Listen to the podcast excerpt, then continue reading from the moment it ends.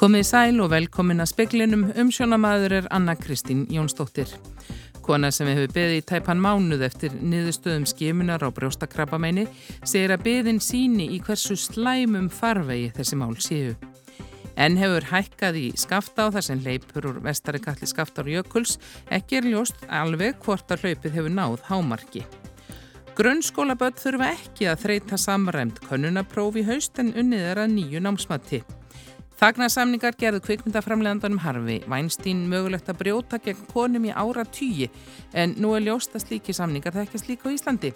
Og síðar í speklinum verður sagt frá mótmælum gegn oljuvinnslu í Noregi og rýnt í áherslu kjósenda og frambjóðanda fyrir alþingiskostningar. Kona sem býður eftir niðurstöðum skimunar á brjóstakrabameini segir slæmt að býða í óvissu. Hún er einn 1200 kvenna sem fóru í skimun í ágúst og hafa ekki fengið niðurstöður vegna læknaskorts á landsbítala. Sankvæmt gæðaviðmiðum á að lesa myndum úr skimuninni innan tíu daga en það hefur ekki verið gert í rúman mánu vegna skorts á röngteinleiknum. Samið hefur verið við danst fyrirtækjum að lesa úr skimununum og vonast til þess að konurnar fái allar svör á næstu vikum.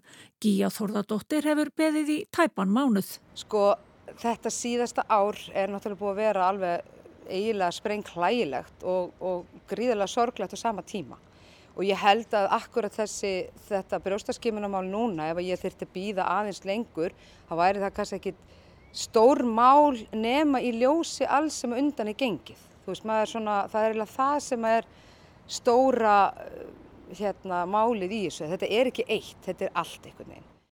Saði Gíja Þóraðardóttir, Anna Lilja Þórisdóttir talaði við hana. En í gær byrjaði hlaup úr vestari skaftárkalli síðast hljóp úr honum hausti 2019 og viðstöðan hefur var að við því að skaftár gæti flætti yfir vegi og brennisteinsvetni borist með hlaupvatninu. Bjarni Rúnarsson, fréttamaður, er á bökkum skaftár. Já, hvað er nákvæmlega Bjarni og er áinn enn í farvegi sín? Já, ég er hérna við, við brúna yfir eldvatn. Ég sé talsverðan mun á áni frá því gær en það sína mælar viðstofunar það að rennslið og vassæðin hefur verið að aukast jæmt og þjætt hér í byggð. Ég kom hér í skaftárhlaupinu árið 2015 og þetta hlaup er ekki stórt í samanburði í sjón og ekki heldur með að við hlaupið 2019. Þá skemmt, árið 2015 skemmtist gamla brúin yfir eldvatn en framburðirinn sem áinn ber með sér núna er þó nokkur og maður finnur greinilega brennistins lykt núna en það lignar að í veðri en í gær. Við höfum fengið upplýsingar um að ykkur í varnagarðar hafi gefið sig hér aðeins ofar í Skaftárdal uh, og við erum nýkomnir þaðan. Áinn hefur svona fært sig úr farvegi sínum þar og nálgast sveitavegina í Skaftártungu en þeir eru ekki kominir yfir, hún er ekki komin yfir vegið þar. Nei. Við fáum að heyra og sjá meira um þetta í sjónvarsfréttum klukkan tíu og eftir. En í símanum er Þorstein, Þorsteinsson, jarðaðlisfræðingur og veðstofunni sem hefur líka fylst með hlaupinu. Eh, hvað, já hvernig hlaup er þetta eins og Bjarni er að segja þetta þykir ekki mjög stórt en hvers má vænta næstu klukkutíman? Já, þetta er náttúrulega úr vestari kallinum eins og komiðu fram og það var nú flóið yfir hann í dag og náðust myndir sem síndu það að hann hefur Hann hefur lækkað all mikið. Eh, nýjustu gögn sem við höfum benda til þess að það séu svona rúmlega 30 gigalitrar komnir fram við Sveinstind og e, þetta eru svona yfirleitt um 50-200 gigalitrar sem fara í hlaupum úr þessum kalli. Þannig að það má kannski segja að svona þriðjungur til fjörðungur e, líklegs hlaup var sér farin úr kallinum nú þegar og komum fram við, við Sveinstind. E, það sem er líklegast að gerist er að e, við höfum reynda að séð að reynslisferðin hefur bara haldist jafn frá minnetti í rúmlega 500 rúmetrum á, á sekundu. Þetta er ekki að aukast, e, allavega þar upp frá og fer þá kannski bara minkandi smám saman úr þessu sum af þessum hlaupum úr vestari kallinum þau hegða sér nefnilega þannig sko. og þá er kannski líklegast að þetta bara smá saman fari lækandi fram yfir helgi en mm. við vitum ekki að þá það gæti verið að Estri Ketilinn kæmi ofan í þetta með munstæra hlaup. Það gerist fyrir þremur árun þannig að hann er eins og heitir komin á tíma. E, þeir voru nefnilega báðir komnir á tíma núna og til viðbótar kemur það að það veri hlýndi mikil fyrir östan sem hafa náðu upp á vatnajökul og verið umtalsverð leysing þar og það hefur bætt svona leysingarvatni í lónin sérst, undir köllunum báðum. Þannig að það kæmi ekki óvart ef það kæmi viðbótarhlaup og stort, um, talsvægt starra úr eistrikallinum en um það er of snemt að segja núna. Þakkaði fyrir þetta Þorstein Þorsteinsson.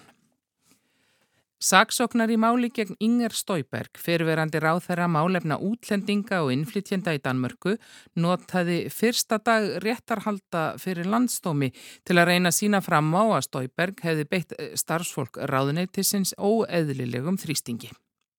Inger Stóiberg er ákærð fyrir að hafa gefið út ólögulega tilskipunum að aðskilja gifta hælisleitendur ef annað hjónana var yngri en átján ára.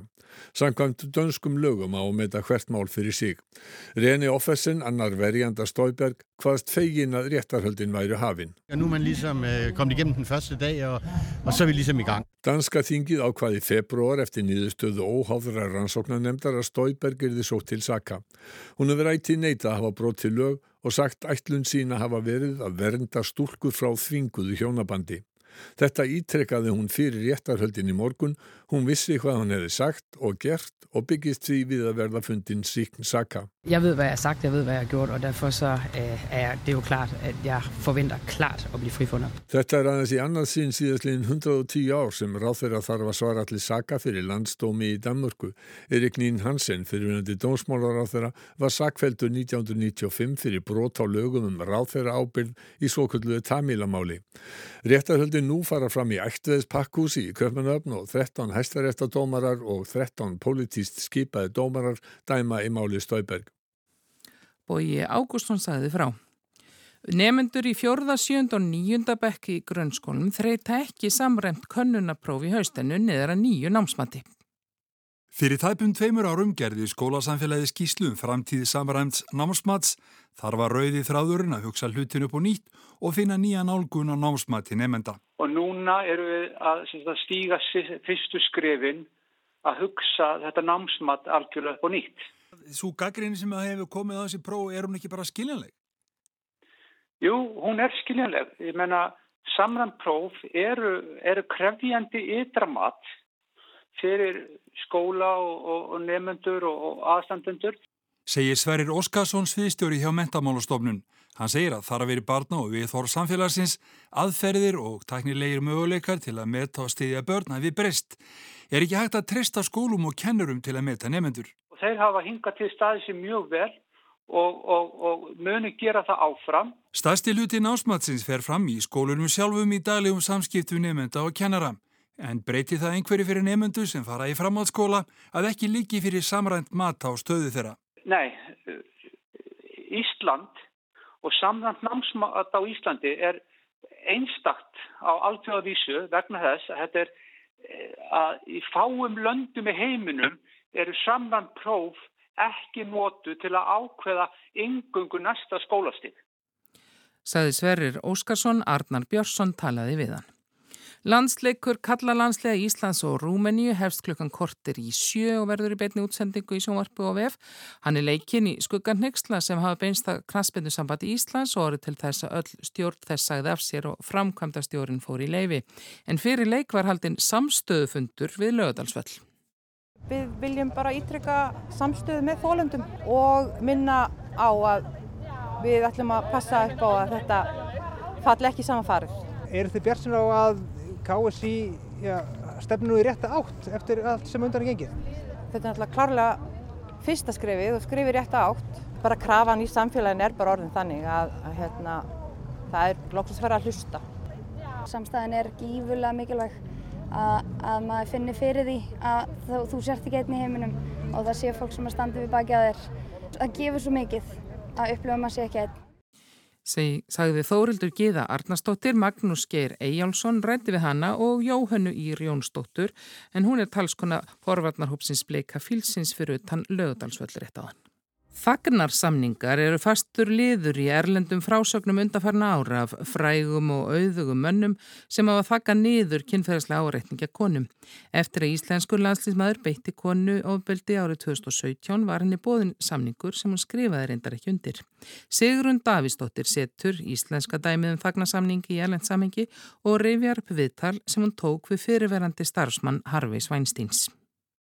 Þegar Zelda Perkins sæði sögu sína 2017 af samskiptunum við kvikmyndaframleðandan Harvey Weinstein á tíund áratögnum afhjúpað hún meðal annars hvernig Weinstein kifti sér þögn um sagnæmt aðtæfi í áratýji með þagnarsamningum sem lögmennan sá um.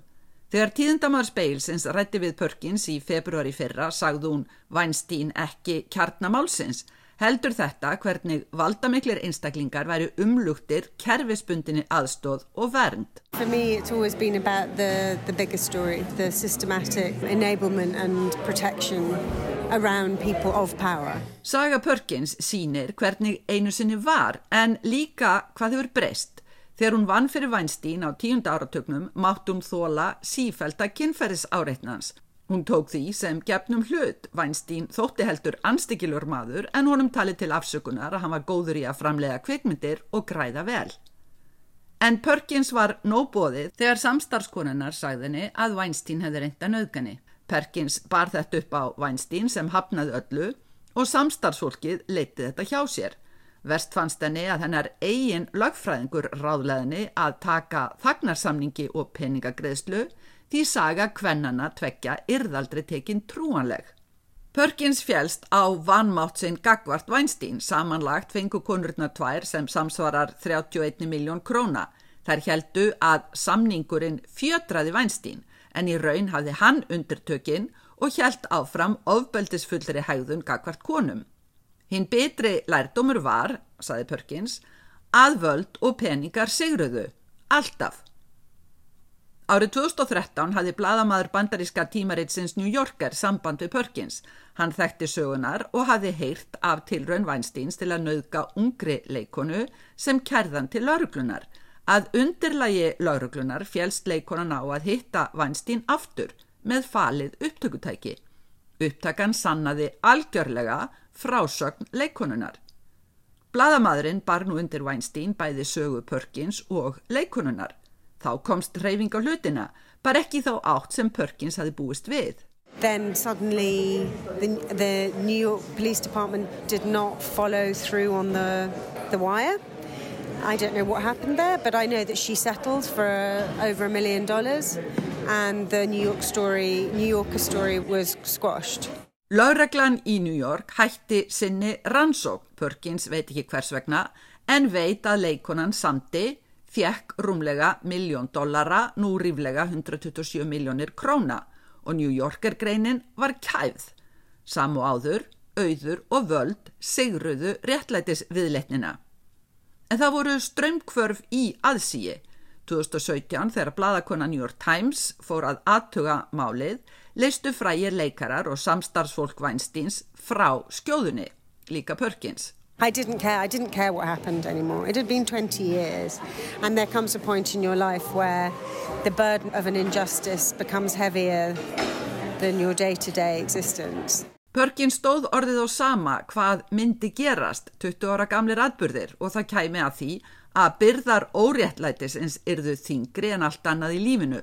Lagmenn Weinsteins nefndu samningin aldrei við hana. Weinstein afplánar nú 23 ára fangelsistóm. Eitt af því sem ljóslega felur kynferðis áreitni, auðugra og valdamikilla einstaklinga er þagnarsamningar og nú staðfest að til eru íslenski lögmenn sem telja við hæfi að bjóða þólendum þagnarsamninga til að þakka niður vittnisspurð um kynferðislegt ofbeldi. Kaltænislega hliðin er, segir einn viðmældi speilsins, að þetta eru kannski einfallega leikreglur samfélagsins Lagmenn geta talið þólendur á að sleppa kæru og ljúka málunni frekar með greiðslu og þagnarsamningi því það sé svo erfitt að leita réttarsins. Sankvæmt heimildum speilsins er ekkert í íslenskum lögum sem bannar þagnarsamninga. Einstaklingar geta til dæmis gert með sér engaréttarlegan samningum að ræða mál ekki ofinberlega. Slíkur samningur má þú ekki raska ofinberi rannsókn enda brot gegn almennum hegningarlögum að hilma yfir eða semja um að upplýsa ekki um mál sem er í rannsókn. Sangvært íslenskum lögum er rannsókn ofbeldis og kynferðisbrota ekki háð kæru frá þólanda, heldur ber lauruglu að hefja rannsókn ef framkoma upplýsingar um brot. Ef þagnarsamningur hindra rannsókn að því viðkomandi telur sig ekki geta kært til lauruglu eða gefið skýrslu, má telja að þagnarsamningur stappinari lögbroti. Aftur að sögu Perkins, í henni var þagnarsamningur uppgjöf þólanda gegn auði og valdi hindraði rannsók og sá sem beitti kynferðisofbeldi gætt haldið í áfram.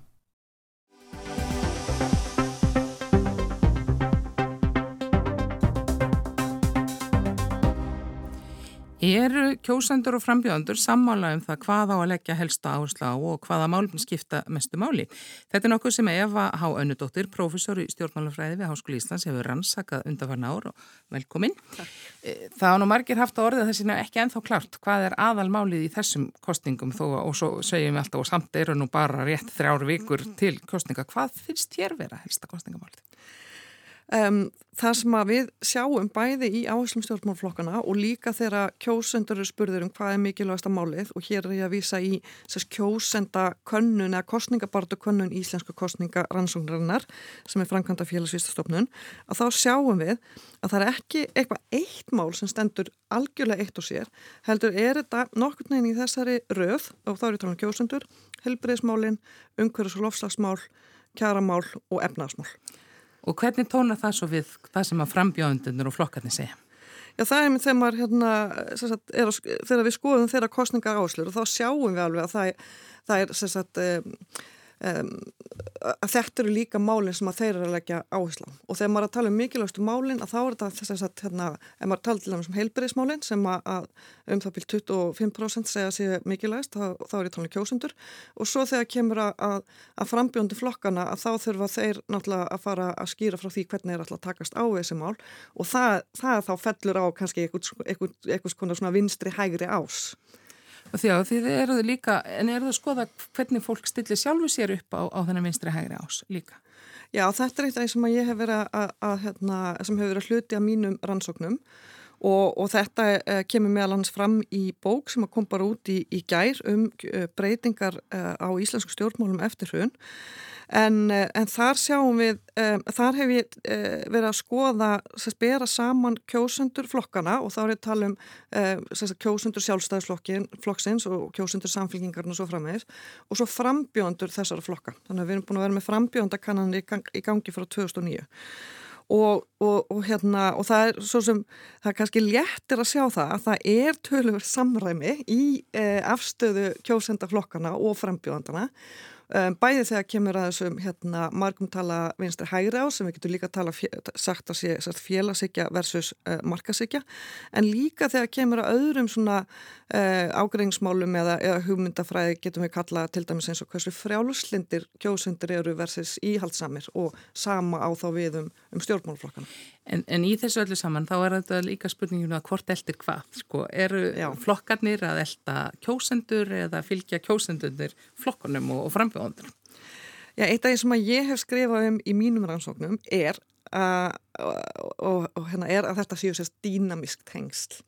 En, en ef við stillum þessum upp sem sagt, eh, tveimur megingerindum, flokkarnir og, og kjósundunir, að þá að öllu jafna vega flokkarnir þingra, en það eru þeir líka á fullu því að taka þátt í umræðinni, en það tekur ekki úr sambandi áhrif kjósenda, þeir geta líka komið málum á dagskrá. Með segðan tala náttúrulega ofta um það að sko, kjósendur byrti vilja sinn í kjörklefanum, Já. þar sínaðir það og, og svo kannski máta flokkarnir sér við það hvernig þeim gekk og, og hvernig svona þannig að þetta, þetta er auðvitað eins og segir, þetta, þetta er samspil. Sko. Al, já, þetta er samspil og, og í þessu samengi, sko, það, það, það áreita ég að það er sagt, hérna, samrami í skoðunum kjósenda flokkan og frambjönda að öllu jöfnu í stórumálunum en, en stjórnmálaflokkarnir hafa það fram yfir kjósundum að þeir eh, eru miklu sterkari stöð til þess að koma málum á dagskrá. En svo segja mér náttúrulega, sko, tala með stundum um svik við kjósendur sína, að flokkandir hafi ekki eh, hérna gert það sem þeir sögðu og ætluðu sér. Hvern, hvernig, byrtist, hvernig byrtist það? Hvern, er það ef, að, ef, að, ef að það svona gengur í sundur með kjósendunum og framjóðundar? Þá náttúrulega byrtist það oft í, í bara næstu kostningum sem koma eftir. Um, auðvitað í þessu samhengi er, er, er samstöpu, kerfi samstöpustjórna oft kentum og það er líka alveg tölur stór skýring að sjálfsögðu og hérna og, og það er náttúrulega eitthvað sem að flokkarnir munum þurfa að takast á við eh, eftir eh, hérna, þessar næstu kostningar hvernig þeir ætla að segja að reyna semja um sín mál. Mm. Það er náttúrulega, þetta er svona að fara af stað, finnst manni, kannski kostningabaróttan ekkert orðin eitt ennþá yfirþyrmandi, bara umfjöllun í hérna hjá okkur, svona nýhafinn og, og, og svo eru þetta líka breytast kannski svolítið auglýsingarnir og hvernig við setjum þetta fram líka. Þannig að hinn er eldri kjósundur kannski finn ekki eins mikið fyrir því að allt sé að fara komið á fullt. Erstu þá að tala um að því að við eldri kjósundur erum ekki svo mikið á TikTok og, og Twitter? Kannski, já, já, við, við eldri kjósundur. menn eru náttúrulega reyna að nýta sér alla, alla miðla og svona Já. en áttu vonáði að harni þetta er nú allt svona tiltölega stillilegt en þá? Sko, mér hefur fundist eh, frá því að ég byrjaði að fylgjast með eh, kostningabarátum fyrir um, hérna, allan síðustu tveim áratöfum að kostningabarátan hefur nú mjög og farið bara mjög svona prúmanlega fram Eh, auðvitað geta svona aðeins hérna, leikar æst í lokin sko. en það er ekki, sko flokkarnir eru yfirleitt ekki að ráðast mikið á hvern annan, það geta svona aðeins verið að íti hvern annan en þeir leggja svona mesta áherslu á að bara tala um sín málefni í staðan fyrir að vera með sem að maður myndi kalla neikvæða kostningabartu sem væri þá að reyna að grafa undan, undan öðrum flokki. Mm. Nú erum við náttúrulega líka samt með á þessum hægri vinstri ás kannski við erum með flokkin sem við flest setjum kannski lengst til hægri sjálfstæðisflokki með svona fjórúnsfylgi og svo skipta menn svona rest já, eiginlega já. og þannig hefur það verið núna nokkra kostingar og kannski ekki horfa á að það breytist. Nei, þetta hefur bara verið vaksandi stig frá stigi frá mm. uh, því eftirhun og, hérna, og ég kalla þetta að þetta hafa orðið sérst meiri kvíslun í flokkakerfinu, það er sérst fleiri flokkar og með minna fylgi og hérna, og fyrst náttúrulega 2013 þegar við sáum svona fyrstumerkinum þetta, að þá þetta töldu kannski margir að þetta myndi ganga tilbaka. En núna erum við 2021 að sjá fram á mögulega 7, 8, 9 flokka á þingi, þannig að þetta er klárlega einhver þróun, einhver trendur sem heldur er að halda áfram. En við bara hjá okkur er alltaf kannski svo, ofta svolítið seint. Við erum ennatala um fjórflokki þó að hann sé launguljóst að hann var að, það eru áratvíu sín hann, þeir eruðu fimm og, og svo pluss pluss, sko. Já, er já, það ekki? Jú, en það er samt ágænt kannski að tala um fjórflokkina því þá vita allir í hvaða fjóra flokka er verið að vísa. En þeir eru ekki eini, hérna, þeir eiga ekki sviði eini lengur. Mm. En þið ætlið svona líka stjórnmálafræðingar eiga sér sinn dag, hann er á morgun og þá ætlið þið að reyna í það sem heitir já, Það verður setjumbartin á morgun í Laugbergin. Þakka þið kjærlega fyrir Eva Heiða Önnudóttir. Takk.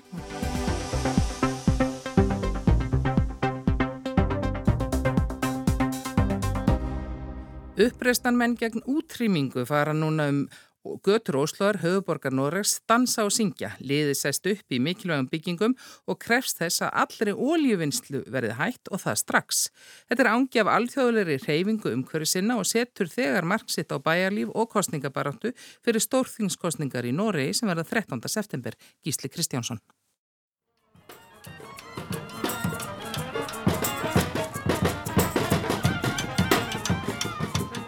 Þetta ljómar kannski helst eins og búsáhaldabildingin í Reykjavík en getur líka mynda á blómavörnum frá hippatímanum fyrir hálfru öld.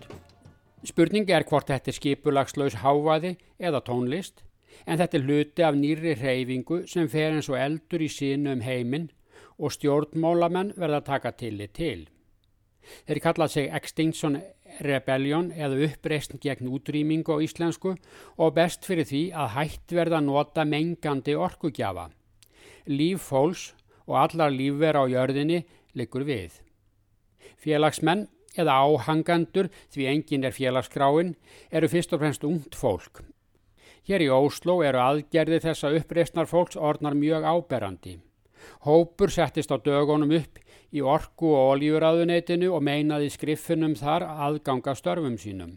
Láregla var það bera liðið út og sektir hafi verið ákveðnar fyrir þá sem verst léttu. Einn daginn voru aðgerðasinnar og hopnum komnur upp á skrifstofuhús Equinor, það gamla ríkisvoljufélagi Statoil og fóru ekki niður að þakkjunu sjálf viljugir. Lauregla var að sækja fólkið upp með ærna fyrirhöfn meðan aðrir aðgerðasinnar lokuðu ingangi að skrifstofunum. Einnig þar var fólkið sektað en þar hýfur ekki. Mótmælinn bara magnast. Og mótmælinn beinast fyrst og fremst að óljuvinnslu norðmanna. Markmiðið er að stöðva alla vinslu og sölu á afurðum úr olíu. Hér í Noregi stendur slagurinn um hvort það sé siðferðilega réttlætanlegt að dæla upp olíu í stríðum ströymum þegar jörðin er að verða óbyggileg fyrir mengun og tilherrandi loftslagsbreytingum vegna olíunar. Dag Kolstad hefur talað ofinberlega fyrir hönd þessa hóps. Når man tenker på det, så er det jo alt som står på spill. Eh, det er livet vårt, livet til våre barn og barnebarn. Altså alt fremtidig liv, inkludert alt ikke-menneskelig. Allt er í hættu. Það er líf okkar, líf barna okkar og barnabarna. Allt líf á jörðinni, segir talsmaðurinn. Og sjálfsögðu stiðist þetta við ný útkomna skýslu frá saminuðu þjóðunum um yfirvofandi loftslagsbreytingar nema gripi verði til rótækra aðgerða. Stundum getur málflutningunum fengið á sig trúarlegt yfirbræð. Det kristne ville snakket om dette er skapelsen som vi ødelegger for kortsiktig gevinst, altså kortsiktig oljeutvinning, kortsiktig økonomisk. Altså det er moralsk forkastelig. Kristið fólk myndi segja að við verum að eidilegja sköpunarverkið fyrir skamtímagróða. Skamtímagróða af oljuvinnslu og skamtímagróða af hagvexti. Það er siðferðileg og óhæfa, segi Kolstad. Þessi reyfing er aðeins 30 ára gömul og á upphafsitt meðal vísindamanna við Oxford Háskóla á Englandi. Síðan hafa sprottið upp angar víða um heim. Fylgismenn eru oftast ungt fólk í mentaskólum og háskólum.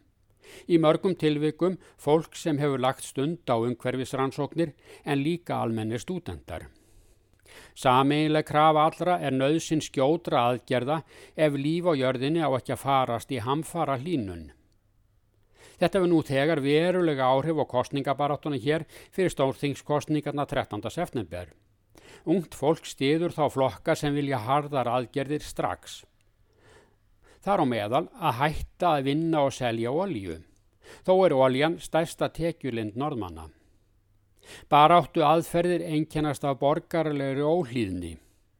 Markmiðið er að beita aldrei áfbeldi og til þess hefur ekki komið enn. Félagsmenn slást ekki við laurögluna en hlýða henni ekki heldur. Upplýst er þó að leini lauröglanoska hefur áhyggjur af að innan hreyfingarinnar geti myndast ofbeldishópar.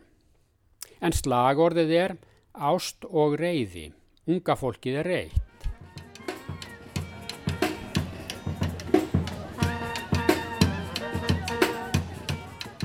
Annars slagorð er peningana eða lífið. En búningar fólksins og framkoma minnir annars mest á blómabörnin bandarísku á leið og tónlistarháttíðin í Woodstock fyrir meirin hálfri öld. Og þetta var Gísli Kristjánsson. En veðurhorfur eru þær að það verður suðulæg átt og dáli til rigning eða súld vestan til en yfirleitt bjart eistra. Hversir og fer að rigna vestanlands síðdeis á morgun og fremur hlít verður í veðri. En það var helst hjá okkur í kvöldakona sem hefur beðið í tæpan mánuð eftir niðurstöðum skimunar á brjóstakarbameini segir að beðin síni í hversu slæmum farvegi þessi mál séu. Það er mikið reynsli í skafta á þar sem hleypur úr vestari kalli skaftar jökuls en ekki ljóst hvort að hlaupið fer að sjatna eða hvort að hleypur líka úr eistri kallirum á næstunni. Það eru yfirleitt starri hlaup þegar slíkt gerist. Grunnskólaböld þurfa ekki að þreita samræmt könnunaprófi haust en unnið er að nýju námsmatti. Og það er loksins færið að hlusta, saði kona á samstöðufundi sem haldin var áður en landsleikur kalla landsliða Íslands og Rúmenju byrjaði en hann byrjar klukkan kortir í sjö. En fleira er ekki í speklinum í kvöld hjá okkur. Tæknimaður í útsendingu var Magnús Þorstein Magnússon veriði sæl.